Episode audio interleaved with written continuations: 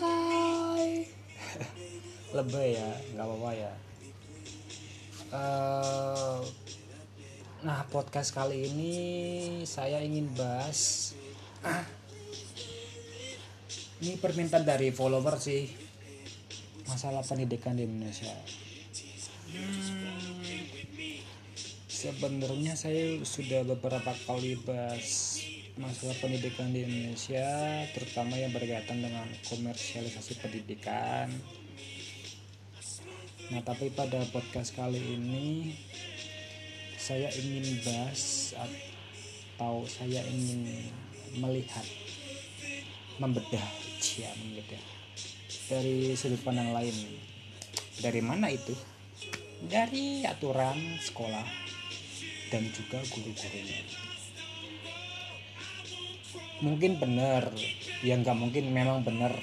Jika kita belum siap untuk mengikuti aturan di sebuah sekolah maka sebaiknya kita mencari sekolah lain yang dirasa tidak memberatkan. Setiap sekolah tentunya punya aturan masing-masing dan itu diberlakukan untuk semua muridnya tanpa terkecuali tapi gimana jika beberapa aturan di sekolah itu justru memberatkan murid dan orang tua murid? Saya ambil salah satu contoh yaitu pada salah satu sekolah swasta di kota X katakanlah.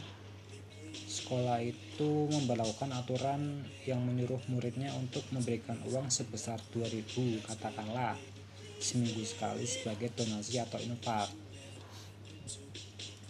mungkin bagi orang yang mampu orang tua yang mampu mungkin uang segitu nggak masalah sih. Ya emang kecil sih tapi tapi gimana dengan mereka yang nggak mampu? Terus belum lagi sekolah sekolah itu juga memperlakukan sebuah sanksi. Jika ada siswa yang terlambat maka harus bayar uang sebesar sekian. Berarti kan itu double.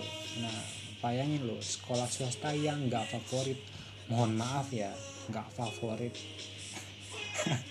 Nggak favorit loh ini. Memperlakukan aturan seperti itu. Sedangkan nggak semua muridnya itu memiliki orang tua yang cuannya banyak. Nah ketika saya tanya sama narasumber dia jelasin kalau nantinya uang itu bakal masuk ke dalam kas dan digunakan untuk membantu murid yang nggak mampu. Kayak beliin sepatu baru bagi siswa yang sepatunya udah nggak layak beliin tas banyak lah. Sepintas bagus. Alokasi dana yang kayak gitu bagus dan patut untuk dicontoh. Tapi yang saya pertanyakan itu masalah transparansi publikasi.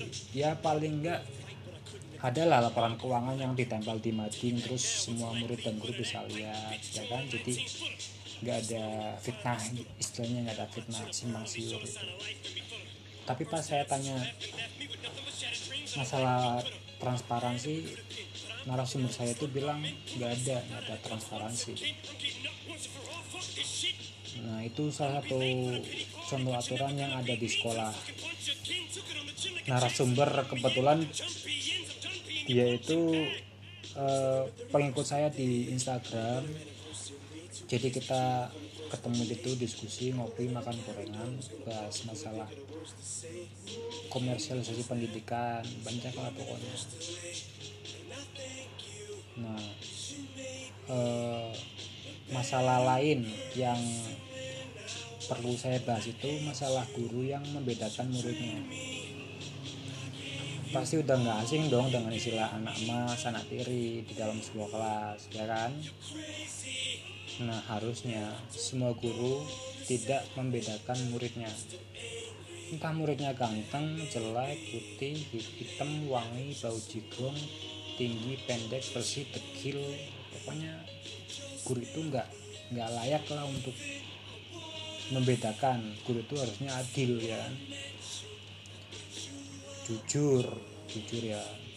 Dulu itu saya salah satu murid yang dianak emaskan oleh banyak guru. Ya mungkin karena saya anak yang penurut sedikit pintar sedikit sedikit doang sedikit pintar. Tapi walaupun saya apa di anak emaskan saya nggak nggak sombong sama teman-teman saya. Saya tetap merendah. Padahal teman-teman saya itu banyak yang pintar. Pokoknya banyak yang lebih oke okay lah ketimbang saya. Sedangkan beberapa teman saya teman baik saya itu ada yang tamanya menyeramkan. Dan mereka selalu mendapatkan perlakuan beda dari guru nah pas ketika teman saya yang nyeremin itu mendapatkan bully dari guru kadang miris. Semua ketika teman-teman satu kelas ngetawain dia dia juga ikut ketawa. Tapi itu kan luarnya doang kan kita nggak tahu batin seseorang ya enggak nah masalah tekanan mental atau perasaan itu bisa nimbulin efek lain loh. Contohnya pasti kalian sering dong dengar kasus siswa yang memukuli gurunya sendiri ketika berada di luar sekolah. Nah kasus itu kebanyakan berasal dari siswa yang dendam karena didiskriminasi oleh guru yang entah itu killer atau emang yang nyebelin kan nah pengalaman saya dulu pas kelas 7 saya itu punya temen namanya Ek lah katakanlah Ek dia itu pasti dimarahi sama guru. Nah guru itu emang killer sih.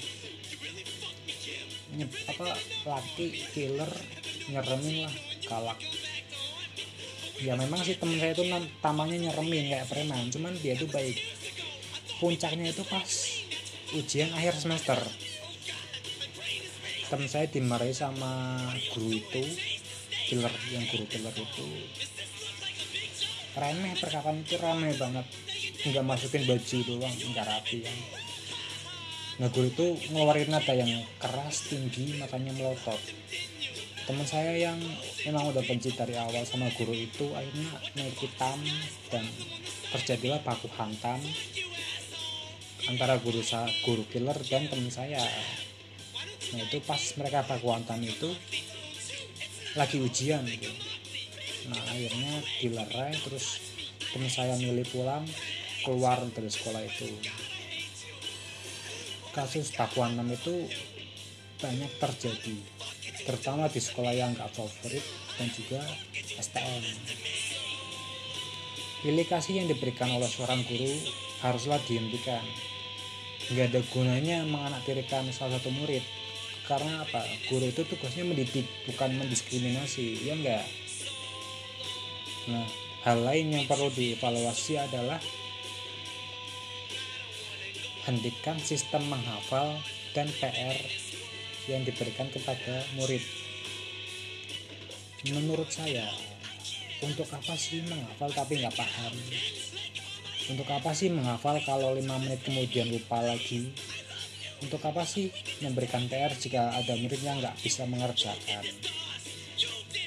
Harusnya PR itu diganti dengan sistem diskusi bedah soal. Ajarkan murid-murid tentang bab yang memang sukar untuk dipahami.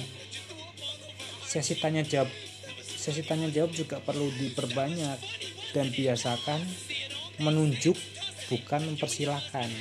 Saya ulangi biasakan menunjuk bukan mempersilahkan murid untuk menjawab pertanyaan. Masalah pendidikan di Indonesia itu kalau menurut saya pribadi itu sangat kompleks. Yang jadi masalah itu bukan hanya kurikulum atau sistemnya tapi juga guru. Guru itu harus dievaluasi demi mewujudkan iklim pendidikan kita yang lebih baik. Para murid baiknya jangan dijejali dengan banyak teori tapi praktek secara langsung.